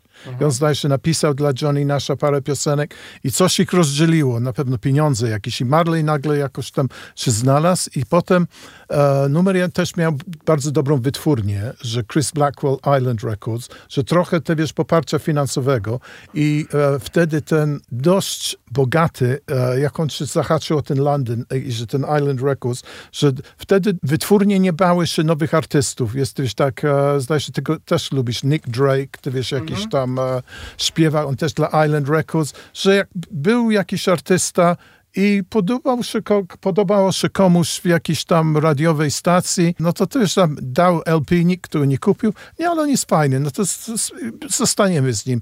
I ty wiesz, tam um, i arty- było trochę pieniędzy, żeby rozwinąć artystów. Chris Blackwell, oczywiście właściciel Island Records, był z Jamajki, biały Jamajczyk i on właśnie też poprowadził te Sky. I ty właśnie Marley dostał dość dobre komercyjne poparcie e, właśnie z tymi wcześniejszymi e, płytami. I był taki crossover, że nagle, ty wiesz, to była taka subkultura, ludzie, którzy e, słuchali głównie reggae, ty wiesz, taka klasa, ty wiesz, tam skinheady, robotnicza, ty wiesz, lubili soul, trochę inaczej, mods na przykład, te subkultury, ale Marley jakoś przeniósł ją też do sfery takiej hipiowskiej też, że nagle, ty wiesz, ci ludzie, co kupowali właśnie Led Zeppelin, Genesis i te inne, to też mieli, ty wiesz, tam e, Marleya, może właśnie właśnie te dłuższe włosy i trochę zmień, e, trochę nowego stylu i to pokonało świat. Wydaje mi się też, że ten geniusz jego i to, dlaczego on się tak rozlał na cały świat, wynikał z tego, że przez wiele lat czytałem takie opinie, że Chris Blackwell wiedział, jak zrobić, żeby, to, żeby skierować go trochę w stronę rocka. I przez wiele lat nie rozumiałem tego, bo jak myślę o roku, no to myślę o jakichś tam, wiecie, gitarach sfuzowanych i tak dalej. Tego nie ma w muzyce Marleya. Ale rzeczywiście, jeśli się, w, jak, jakby ktoś, jak ktoś przeanalizuje te harmonie i te kompozycje, to te harmonie Marleya były dużo mniej oparte o, o, o harmonię muzyki soul, niż większość tej muzyki, która była grana na Jamajce. Rocksteady na przykład, ta muzyka lat 67-69 była bardzo osadzona w muzyce soul. Później przyszedł czas e, tego roots reggae, na którym de facto wypłynął między innymi Marley i to była, wtedy mówiono o tym, że to jest taki powrót do Afryki, ale właśnie te harmonie zostały uproszczone. Inni artyści, tacy jak, nie wiem, choćby Burning Spear, który też gdzieś tam osiągnął jakiś sukces, też był wydawany przez Chrisa Tak, Blackwella, tak, to w ogóle Nie, stworzył takie... Cała fala wtedy były Tak, tych tak. wylot. Ale o, o, on stworzył takie, jak to, się, jak to mówili ludzie, takie transowe reggae, już bardzo uproszczone harmonie. Tam Mhm. Dłuższe wiecie, utwory, nie? Dwa, dwa, dwa akordy i to wszystko i on tam gdzieś zawodzący do tego. To w tym sensie oddalało się od tych takich korzeni czarnej muzyki. Y, Na Jamajce ci artyści nie stawali się popularni e, tak naprawdę. Na Jamajce w, cza- w czasach, kiedy Marley był popularny w Europie, e, to mainstreamowym artystą był Johnny Clark w ogóle, ktoś zupełnie, wiecie, tworzący, Taki było inne brzmienie, wszystko było inne, tak, no nie? tak, tak. No i, i właśnie na, na tym poziomie harmonii Bob Marley i, i, i ci artyści, którzy tam byli wybierani przez wytwórnię, y, udało im się zbudować jakieś pewne momentum i, i wejść w, mm, i osiągnąć sukces. Co ciekawe, ostatnio o tym y, słuchałem y, na ten temat ciekawego też wywiadu. On wcale nie był popularny, jakby Marley stał się popularny w Europie, ale miał problemy, żeby stać się popularny w Stanach Zjednoczonych i wcale, wcale nie był słuchany przez czarnych odbiorców w Stanach Zjednoczonych, no nie? Mhm. I też w Anglii było, ty wiesz, tam ludzie, którzy słuchali do reggae i nawet może przyznałem się, że ty wiesz, tam e, czas mi trochę inną perspektywę dał, ale wtedy to uważaliśmy, jamańska muzyka jest nasza, a nagle przyszedł Marley i wszyscy, o Marley, wiesz, ty wiesz, tam e, osobiście, ty wiesz, ja czułem takie rozdarcze trochę, ty wiesz, tam, no to, ty wiesz, kto to jest ten Marley, ty wiesz, tam, jak ty wiesz, tam mieliśmy Desmond Decker, plus te, ty wiesz, te, Bob Ansel Collins, raczej ty wiesz, te, te, te, te, te, te, te, te, inne rzeczy, no to to e, stworzyło. I Marley oczywiście teraz mówię jeszcze, ty wiesz, o Jamajce, ale teraz wiesz, wrażenie robi teraz, że to jest jakby taki, jest muzeum, to jest po prostu jak się, ty wiesz, te wielkie statki wpływają, ty wiesz, tam na Jamajkę, do tego, ty wiesz, do tych wiosek i ci turyści wychodzą, to ty wiesz, ten Marley dudni, nie? Że oni też przychodzą i ty wiesz, jakieś czapki z lojdami wkładają, trochę Znaczy, trawki też kupią. Tak, cepeliadą, no. Tak, Niestety tak, tak. zrobili z niego cepelię. tak. Mają, mają gościa, który jest znany na cały świat. Przecież nawet jak spojrzycie na Billboard, to ta płyta The, Leg The Legend tak. to jest jedna z najdłużej utrzymujących się na Billboardzie płyt w historii. Największej y, listy przebojów y, na świecie. Zresztą, która y, słyszałem taką audycję bardzo ciekawą, no bo to jest kompilacja, która w ogóle jakby stworzyła pewien taki blueprint do, do wydawania kompilacji. W ogóle w różnych, Tak. we wszystkich stylach muzycznych. Więc mają gościa i to stała się taka cepelia i no cóż, y, to ostatecznie y, wszystko w Excelu się musi zgadzać. I, ale to jest właśnie najciekawsze, tak w muzyce amerykańskiej, jak w jamańskiej, że y, wiecie, to bardzo tam byli różni ludzie, którzy mieli olbrzymi talent i olbrzymią charyzmę, ale przecież czy Motown w Detroit, czy Studio One w Kingston, to były takie fabryki, nie? Gdzie Tak. przychodzili chłopy No z tak. To- papierosami to- do fabryki i mówi, dobra, a teraz zagrajcie to. I wiecie, i oni to grali jak w fabryce, Tak. a tu powstawały jakieś, nie, a jakoś byli w stanie tam włożyć takie emocje i zrobić muzykę, która tak porusza, wiesz, to jest w ogóle coś niebywałego w ogóle. I ta muzyka, też mam takie nie wiem, czy mamy czas jeszcze na to, bo to już jeszcze dopiero dowiesz do reggae, ale jeszcze twój, e, to już pulę ekspertyzy, dancehall, jeszcze, jeszcze nie doszliśmy do tego, ale ta muzyka nie staje w miejscu, tak samo jak amerykańska. I po tym cząstki jej, te ska, że są kluby ska w każdym mieście w Europie, łącznie z, ty wiesz, z Warszawą, nie? Że ludzie, ty wiesz, tam, albo ty wiesz, ta biała fala, co ty wiesz, z punkiem wyszła, ty wiesz, specials i ci wszyscy inni, ale po prostu, że też roots, te, roots to są, ty wiesz, tam całe festiwale tego, nie? Że te po prostu cząstki tej muzyki zostają jeszcze, są u, u, miłośnicy, ale w Jamajce muzyka pędzi, pędzi ty wiesz, zupełnie w ty wiesz, swoim tempie, nie? I tak samo było z e, afroamerykańską muzyką, że ty wiesz, tam soul, ty wiesz, te hity wszystkie 60., to już zapomniane u nich, ty wiesz, potem był Marvin Gaye i te wszystkie inne, ale te wszystkie z 60., ci, ty wiesz, klubowicze w Wielkiej Brytanii, ty wiesz, jeszcze, ty wiesz, tam zbierali, jeszcze, ty wiesz, tam, ale to już Afroamerykanie już dawno co zosta- zostawili za sobą i ty wiesz, to, ty wiesz, kolekcjonerzy to ty wiesz, potem e, jak już e, pozbierali do kupy, to wszystko spisali i ty wiesz, tam nowy rynek powstał. Absolutnie. No, dzisiejszy rap Mhm. nie ma nic wspólnego z tym, co było 20 lat temu. I tak samo dzisiejsza, dzisiejszy dancehall ma bardzo mało punktów stycznych, nawet z dancehallem sprzed 10 lat. Mhm. Ostatnio ro- rozmawiałem o tym z kolegą i to powstał właściwie zupełnie nowy styl muzyki, no nie? Czy to, czasami to wynika, e, taka otwarta dyskusja tego, powodów ekonomicznych. Tak w Stanach, ty wiesz, tam rozwój afroamerykańskiej muzyki, że ty wiesz, tam był jazz, potem był swing i swing polegał na wielkich orkiestrach, że ty wiesz, tam e, Count Basie, e, Benny Goodman i ci wszyscy. I potem przyszła druga wojna światowa, o tym na funkologii mówiliśmy. I potem nagle też powody ekonomiczne i potem powstał Louis Jordan i tam ekipy miały, ty wiesz, tam sześć, ty wiesz, tam e, dwa, ty wiesz, tam trąbki, gitara, piano, takie inne rzeczy. I to, to jest powodów, i potem przyjdzie trochę dalej i potem Stevie Wonder w Motown, sy- synthesize, synth- i potem nagle zauważyli, jak on zaczął eksperymentować, no nie potrzebujemy wszystkich tych strunów orkiestrze, ty wiesz, tam, że się sprowadziło 20, 20 ludzi, ty wiesz, tam, czy tam pięć czy coś, ty wiesz, na skrzypcach, co grają, żeby też taką, mel, ty wiesz, nie, nie melodię zagrać, tylko taką atmosferę, że można, ty wiesz, tam i z powodów ekonomicznych i tu definitywnie czuję, że w Jamajce teraz to jeden jakiś tam, że Vibes Cartel na telefonie wszystkie swoje, ty wiesz, tak. tam, że, że, że, że ty wiesz, tam, że można po prostu inaczej teraz muzykę tworzyć. Tak, no na pewno z względy ekonomiczne i jakiś taki coś, co jest y, coś, co jest niebywałe w ogóle w, w czarnej kulturze. Bo jak wspomniałeś o, o jeszcze latach 40. czy tam 30. w Stanach, y, no to ja taką mam, widzę taki, jak, taki łącznik.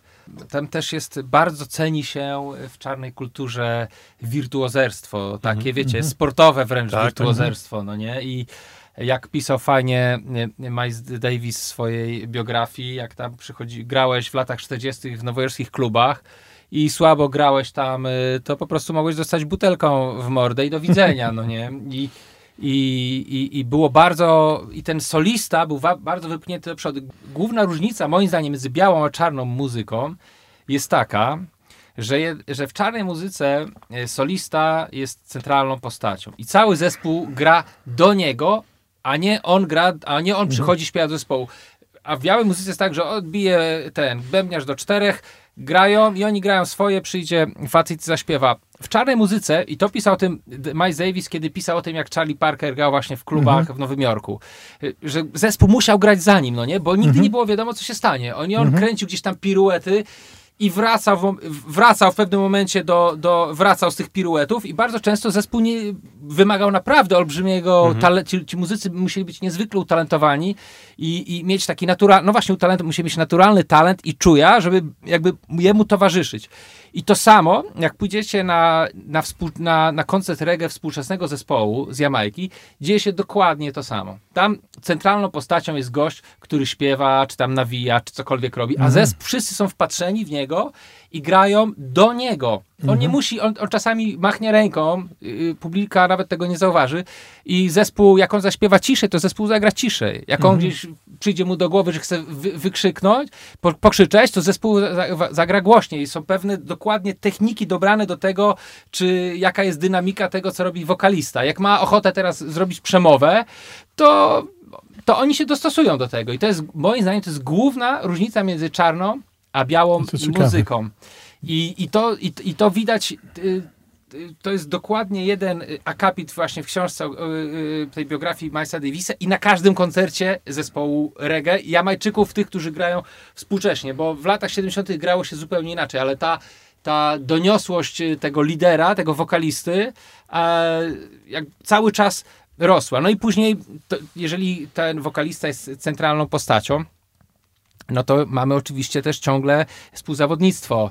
E, Znowu w książce Milesa Davisa było napisane, że e, jak Sonny Rollins spotkał się na sesji z Johnem Coltrane'em, a no i okej, na początku Coltrane jeszcze nie był takim wybitnym saksofonistą i tak grał nieśmiało, ale później, kiedy wrócił jako, jako wirtuos, no to Sonny Rollins jak to napisał Davis, przestraszył się i później grał na tym moście, nie? z, Tak, z którego tak, tak, powstała I, e, I płyta. do, tego da, do tego dnia gra chyba, jeszcze żyje, nie? No, gra, gra, żyje, tak, no. tak. Y, I to samo było na Jamajce. Przecież bify pomiędzy raperami to jest wymysł jamańskich y, artystów.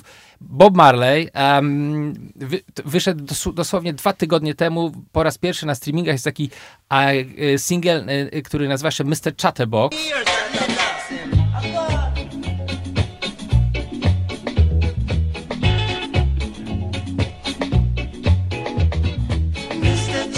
Chatterbox, how long will you live? Always to receive, but never to give. Always carry news all over the place. Mr. Chatterbox, you are a big disgrace. To był Bob Marley z producentem e, Bunny Lee, którzy nagrywali Disa na innego producenta, na e, Nine The Observer, który zrobił później swoją odpowiedź Blood and Fire, więc to były, słuchajcie, bify na wosku w latach jeszcze, e, kurczę, na początku lat 70., współzawodnictwa i tak dalej, i tak dalej, więc no to zobaczcie, tu już mamy sound system, czyli muzyka klubowa, bas, bify, nawijanie do rytmów, co też wymyślili Jamajczycy i ten ich udział w tym światowym w światowej, jak, jak wygląda dzisiaj muzyka jest olbrzymi, ale to wszystko moim zdaniem właśnie wynika z tego, jak wyjątkowa jest y, y, ta czarna kultura mu, muzyczna, gdzie musisz być wirtuozem, żeby musisz być wirtuozem, żeby po prostu nie dostać butelką, bo tak sa, to samo było na, na, na, festiwalach Jamaj, na Jamajce, jak pojawiali się, y, pojawiali się artyści i nie, do, nie dowozili na scenie tego, co, czego, czego spodziewała się publika, no to leciały butelki na scenę. Ja no ostatnio na swojej audycji Sunday Soul Cellar co niedzielę sie- 19 zagram pierwsze płyty Ella Fitzgerald i Billie Holiday. I to łączy, że oni wynikli, oni byli, we, że był taki słynny e, konkurs talentu, nie wiem, to zdaje się, piątki były w Apollo w Harlemie. I tam rzeczywiście, jak dobrze żyłeś i w końcu, i, a tam audycja szła głównie, żeby to, co ty mówiłeś, żeby po prostu, jak ktoś moment nerwów i coś takiego, coś tam utnęło, to ty wiesz, uuu, i wyrzucali. A że przeżyli, ty wiesz, to pierwsze, ty wiesz, nagle wyszli z tego i byli honorowani, ty wiesz, byli, i to prowadziło do, ty wiesz, takiej wielkiej, e, wielkiej karierze, że, że dwa wybitne, ty wiesz, tam e, wokalistki, obydwa z tego samego jakby kołdronu. I szacunek do umiejętności. To wydaje Co się, to jest po prostu tak integralne dla czarnej muzyki, że jest tego częścią. Oczywiście się to zmienia, bo żyjemy w czasach, kiedy artyści właściwie grają koncerty z pół playbacku, albo z playbacku wręcz. No a czasy się zmieniają, ale, ale to wydaje mi się, że w wielu miejscach ciągle jest integralną częścią właśnie czarnej muzyki. No jest to No, no. fascynujące. No, Paweł, ja jestem wdzięczny Tobie, że, że, że przyszłeś dzisiaj, ale też Ty wiesz tam, że jak się poznaliśmy właśnie w Radio Campus i e, znowu jakby moje umiłowanie, e, ja już się trochę pokochałem dancehall i to dziwne, bo Ty wiesz, jak ten dancehall potem, bo miałem trochę przerwy od reggae, że e, lubiłem reggae i nagle co jest nowego w Jamajce i dancehall po prostu przyjąłem zupełnie inaczej, że to nie jest w, w, ani reggae, ani to, jest jakieś tam elektroniczne, ale potem jakoś tam posłuchałem do składanki i to zaczęło, wszystko zrobiło sens dla mnie. To jest jednak Jamajka, tu jest jednak ta kreatywność, tylko mają też trochę inne e, instrumenty, nadal nawijają takie inne rzeczy. To też mi trochę szło, ale potem my się spotkaliśmy. Ty wiesz, tam zacząłem się znowu przypomniał, jakie są nowe, ty wiesz, artyści, ty wiesz, cały czas ten Vibes Cartel, kto wychodzi w tym dancehallu, ale jakby w dobrym kierunku idzie teraz jamańska, czy jest jakaś e, nadzieja, ja ty wiesz, tam w ogóle dziwnie się patrzę na popularną muzykę z powodu wieków teraz, ale z miłostwa do Jamajki, czy tam jaka jest, ty wiesz, nadzieja, czy dobre rzeczy tam się, się dzieją? Ja tylko jeszcze wspomnę, że bardzo mnie zaskoczyłeś, jak się spotkaliśmy, bo ja naprawdę zna dużo takiej muzyki, której wiele osób interesujących się muzyką jamańską nie kojarzy. Byłem bardzo zaskoczony. Pamiętam, że tam przyniosłeś jakiś ulubiony tune, to był Alozeti Kipridge. To tacy bardzo, że tak powiem, jamańscy artyści, którzy, wiecie, Ja, to nie super. wskakują na, dzisiaj na playlisty tam, nie wiem, e, Jamaican Hit, nie? Na Spotify czy coś takiego, no. Więc y, tak, no to głę- głę- głęboka zajawka gdzieś tam musiała nie- bo nastąpić w twoim nagle przypadku. no. słuchasz, to, to, bo wtedy były popularne, na CD nagrane Mhm. jakieś tam, nawet można było ściągać jakiś Tak. Jamaican Music i potem tam, i niektóre rzeczy wyskakiwały, to było przed e, Shazamem też i nagle, kurczę, właśnie LZ ma, to wiesz, bardzo specyficzny Mhm. Tak, głos tak. i Kipridge i nagle Bad Man Never i potem bum, bum, bum Mhm. i tam, kurczę, co to jest? Muszę to znaleźć i potem to wiesz, tam, Tak. jakoś tam napisałem słowa do Google'a, jakieś Tak, inne tak. rzeczy też No, no, fe, fe, wspaniała rzecz. Tak. Jest, jest zawsze nadzieja. Ta muzyka się zupełnie zmieniła. Są zupełnie nowi artyści i, i, i to przyspieszyło naprawdę w olbrzymi olbrzymie to przyspieszyło, to przyspieszenie jest olbrzymie, a wydawało się, że kiedyś prominencję artyści byli w stanie utrzymać przez 4 lata, teraz wydaje się, że są w stanie utrzymać kurczę przez 9 miesięcy czasami. Jest, brzmi to zupełnie inaczej, ale oczywiście są ludzie, którzy, którzy ciągle robią bardzo fajną muzykę. Ta, ta zmiana teraz brzmieniowa wydaje mi się y, po prostu oddaje rzeczywistość. Po pierwsze, że y, do głosu doszli ci tak zwani, wiecie, bedroom, nie, producer, każdy może jakieś robić tam bity. Narzędzia, jakie mają do dyspozycji y, są takie jak narzędzia wszystkich ludzi teraz już na świecie. To jest dużo bardziej homogeniczne. E, Każdy gdzieś tam topowi beatmakerzy w Stanach używają, nie wiem, Florida Studio i tak samo jest e, na Jamajce czy jakiegoś tam innego Logica, więc to ta muzyka brzmi dużo bardziej podobnie. No i, i ci wokaliści też inaczej brzmią e, i to się zmienia. I, natomiast ciągle jest tam jakość, moim zdaniem. Ja ciągle tam znajduję coś, co, coś, co mi się podoba, coś, co mnie zafascynuje. E, No i czekam, co będzie dalej, bo to wydaje mi się jest najbardziej interesujące. To, co jest, co może zapalić lampkę czerwoną, to to fakt, że wygląda na to, że reggae jako styl powoli, słuchajcie, staje się takim bluesem, nie? Czyli takim muzyką z muzeum. O ile jeszcze parę lat temu to ciągle, y, ciągle pojawiali się nowi artyści, ciągle byli w stanie wygenerować jakąś popularność, o tyle no brakuje, nie? Teraz, teraz jest jeden album w tym roku, w zeszłym roku został wydany, który nawet był na tej e, liście jakichś tam topowych albumów e, magazynu Rolling Stone. Fajnie, że gdzieś tam ciągle to jedno oko mają otwarte i spoglądają w stronę Jamajki. Niejaki Samoria i to fajny album, ale tak naprawdę na Jamajce reggae w warzywniakach i na imprezach to, co brzmi, to są stare rzeczy i brakuje takich świeżych postaci. Wygląda, że być może to jest, Ale, ale to stanie się reggae jest, wiesz, w innych krajach się rozwinął, nie? No to, to ale jest, to nie jest to samo, nie? Nie, to oczywiście, jest że to nie jest samo. to Jest samo, ale- oczywiście, jest, jest olbrzymia fala reggae tego kalifornijskiego. Mhm. Y, To tam jest ciągle reggae bardzo popularne. Zresztą chyba przedostatnia nagroda Grammy poszła dla zespołu z Kalifornii w zeszłym roku i to był taki, wiadomo, że te Grammy, jeśli chodzi o style niszowe, to tak trochę trzeba się ten, przymknąć oko. Przepraszam, nawet trzeba wręcz przymknąć oko, bo to nie ma absolutnie, jest to zero odzwierciedlenia w rzeczywistości. No sam fakt, że nie ma kategorii funk na Grammy. No, No, no. No. No, natomiast y, jest, jest bardzo na wy- wyspach Pacyfiku, jest bardzo popularne reggae. Natomiast, y, no słuchajcie, na Jamajce powoli staje się chyba takim y, gatunkiem po prostu muzealnym, nie? Nie ma takiego, wiesz, młodego, wiesz, Rastamana. Oni, wiesz, raczej, wiesz, ten, nie wiem, czas tak mija, wiesz, ten Sizzla też ma swoje lata, nie? Nie no, Sizzla jest, Sizzla jest ikoną, ale jest już ikoną. Te rzeczy, które wydaje, no to jakby... To jest to już to jak. Zresztą mnie się wydaje, że to jest, wiecie, no, e, to jest ciekawy w ogóle temat na osobną audycję. Jaki jest ten e, karierowy lifespan artysty, nie? E, Żeby, wiecie, każdy ma ten czas swojej takiej prominencji, no to ciężko to, to nawet Michael Jackson nie był w stanie wrócić, no nie? Wiecie, ża- żaden, to, to, to, no, tak żeby wracać i, i nagrywać fenomenalne płyty, które nagle są świeże i tak dalej. E, Nie wiem, no teraz Rolling Stones wydali w zeszłym roku płytę, ktoś w ogóle słyszał o niej?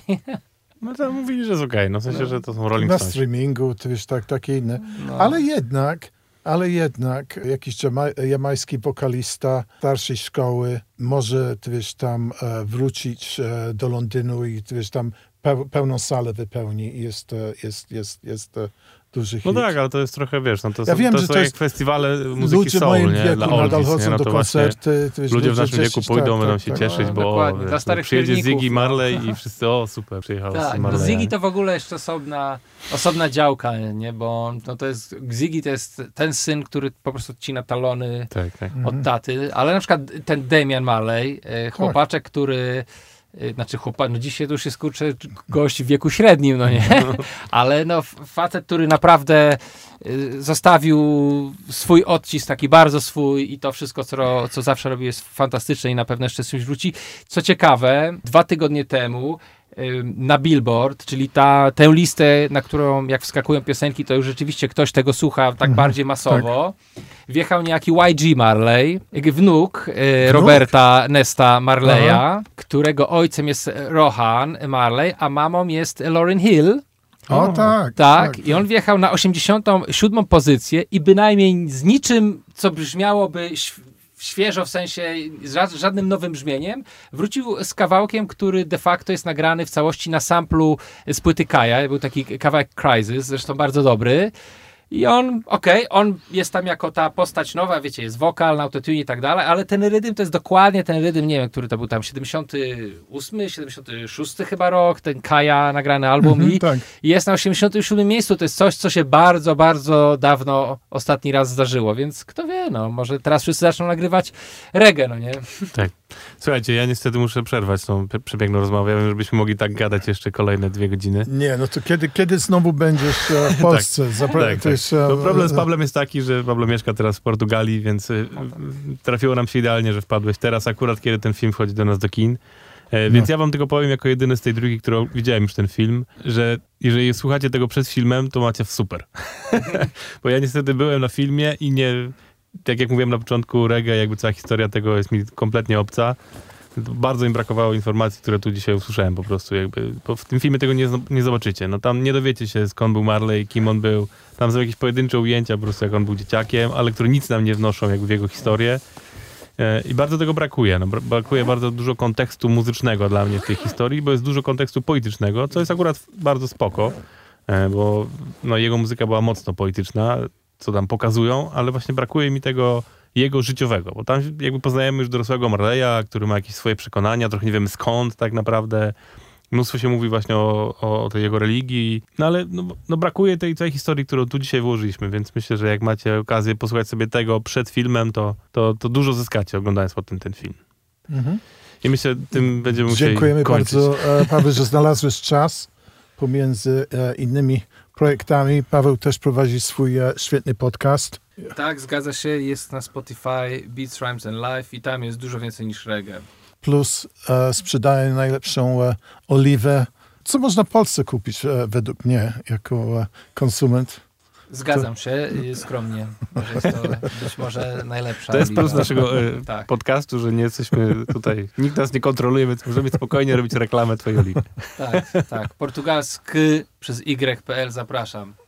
Jest to coś. To jest na kolejną audycję, nie? No, ja bardzo dziękuję, było mi bardzo miło. I, I też myślę, sorry, o, o, ostatnie, o, ostatnie za, za, zanim się pożegnasz, że jak zrobimy właśnie podcast, trochę się boję tego odcinku, żeby e, funkologia trochę o jazzu, e, bo jest po prostu takie tyle wiedzy i tyle tym, No i czego jeszcze nie mam, że odpowiedniego gościa trzeba, żeby ty wiesz, tak jazz, a ja myślę, że Paweł też by był dobry. Tutaj trochę o tym dzisiaj rozmawiam, że e, może następnym razem porozmawiamy. Nie o Jamajce, ale wiesz, twoje...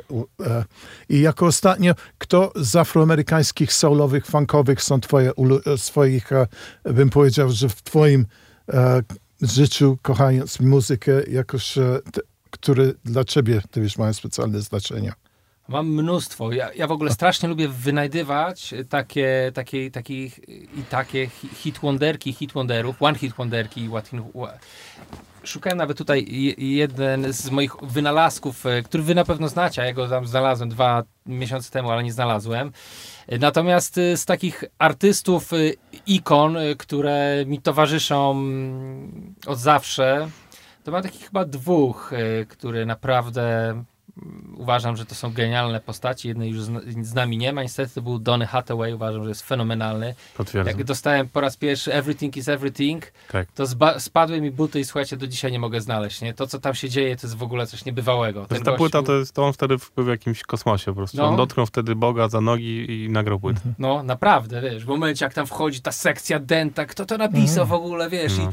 i chłop, który miał tak też taką emocję Tak. I nie, niebywałe. No i, i, i jedna z ikon muzyki pop, która wyszła z Soul, no to Stevie Wonder, to jest też dla mnie gość, którego To ja po zawsze prostu... wymieniałeś Stevie Tak, ja Wonder w ogóle właśnie. nie mogę, ja go w ogóle nie mogę go przestać słuchać, nie? Ciągle go, y, ostatnio się zawiesiłem na tej płycie, którą wydał w latach 80. Ta taka kolorowa okładka Mhm. i tam jest taki kawałek, który, który on nagrał, to, czy to był 78 rok i wziął jakiś kawałek, który był nagrywany w Motown, ja zaraz sobie przypomnę tytuł, bo jestem słaby, y, który był nagrywany w Motown 30 lat temu, ale nie, nie został ani razu wydany. Mhm. Bo to jest ta, tam masz czwarta, e, tak, Tak, to, i tam jest, jak, jak, Hotter than July.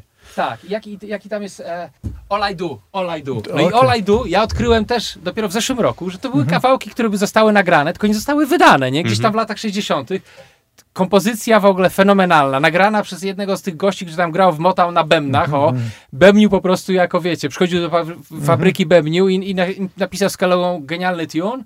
Oni to nagrali w Motown, nie wydali i on wskoczył z tym, wiesz, to który to był, 78 rok, jakoś tak? 60 chyba równo. I ten, i ta, i ta, i, ta, i, ta, wersja to w ogóle jest jakiś kosmos, nie? Ja uważam, że to jest gość, który jest po prostu... I jeśli o filmach, bo tu widzicie, to ciężko skończyć. Teraz nie wiem, czy oglądaliście ten Greatest... Na szczęście e, nikt nam nie puka jeszcze do tak, więc. Greatest- Czasami się zdarza. Greatest no. Night in Pop Music, o jak nagrywali We Are the World, We Are the Children. Jeszcze A, właśnie nie widziałem. No, nie, ale... widziałem, że to jest, ale jeszcze nie Kosa, trafiłem. kosa, Tak. kos, polecam wszystkim i tam A to nie jest komercyjny shit, e, to jest e, jakoś... bardzo dobre to jest. Bardzo dobre? Okej. Bardzo to jest No dobre. To Mnie się na bardzo podobało. podpowiadam, jest do obejrzenia. Tak. Bardzo, I teraz pamiętacie, były, chodziły takie memy, jak y, Bob Dylan Tak, jest tak, tam tak, i on ale dzisiaj taki w ogóle, wiecie, w ogóle nie wiadomo, co on tam robi, nie? I, I tam jest pokazane, jak Stevie Wonder de facto prowadzi go za rączkę, Mhm. no bo Bob Dylan po prostu nie jest takim, wiecie, no wokalistą takim, No że niewidomy. on dociska Tak. trzy oktawy i On tak dalej. Nie, no. nie. Tylko jest gościem właśnie takim zupełnie jakby inna kategoria artysty. I jak Stevie Wonder prowadzi go za rączkę do tego, żeby on wyśpiewał to, co wyśpiewał, co było ok. Włącznie w tym, że jakby pokazuje mu śpiewając głosem Boba Dylana, człowiek, czapka z głowy, nie? Mistrz świata. No. Okej, dzisiaj obejrzę. Słuchajcie, no macie dużo do nadrobienia po tym odcinku. E, Dzięki jeszcze raz, Dzięki, Paweł. Paweł. Ja bardzo dziękuję. Jestem fanem I zapraszamy podcastu. zawsze. Jak będziesz w Polsce, to wpadaj, to wpadaj, wpadaj. tak. Z przyjemnością. Pogadamy kolejne dwie godziny. No, z przyjemnością. Dzięki wielkie, że to był odcinek Funkologii oczywiście. W sumie się nie przedstawiliśmy dzisiaj, więc ja dzisiaj powiem, że jestem Kuba Ja jestem Jan. i do usłyszenia w kolejnym odcinku. Get up, stand up. Stand up for your right. Get up, stand up. Stand up for your right. Get up, stand up.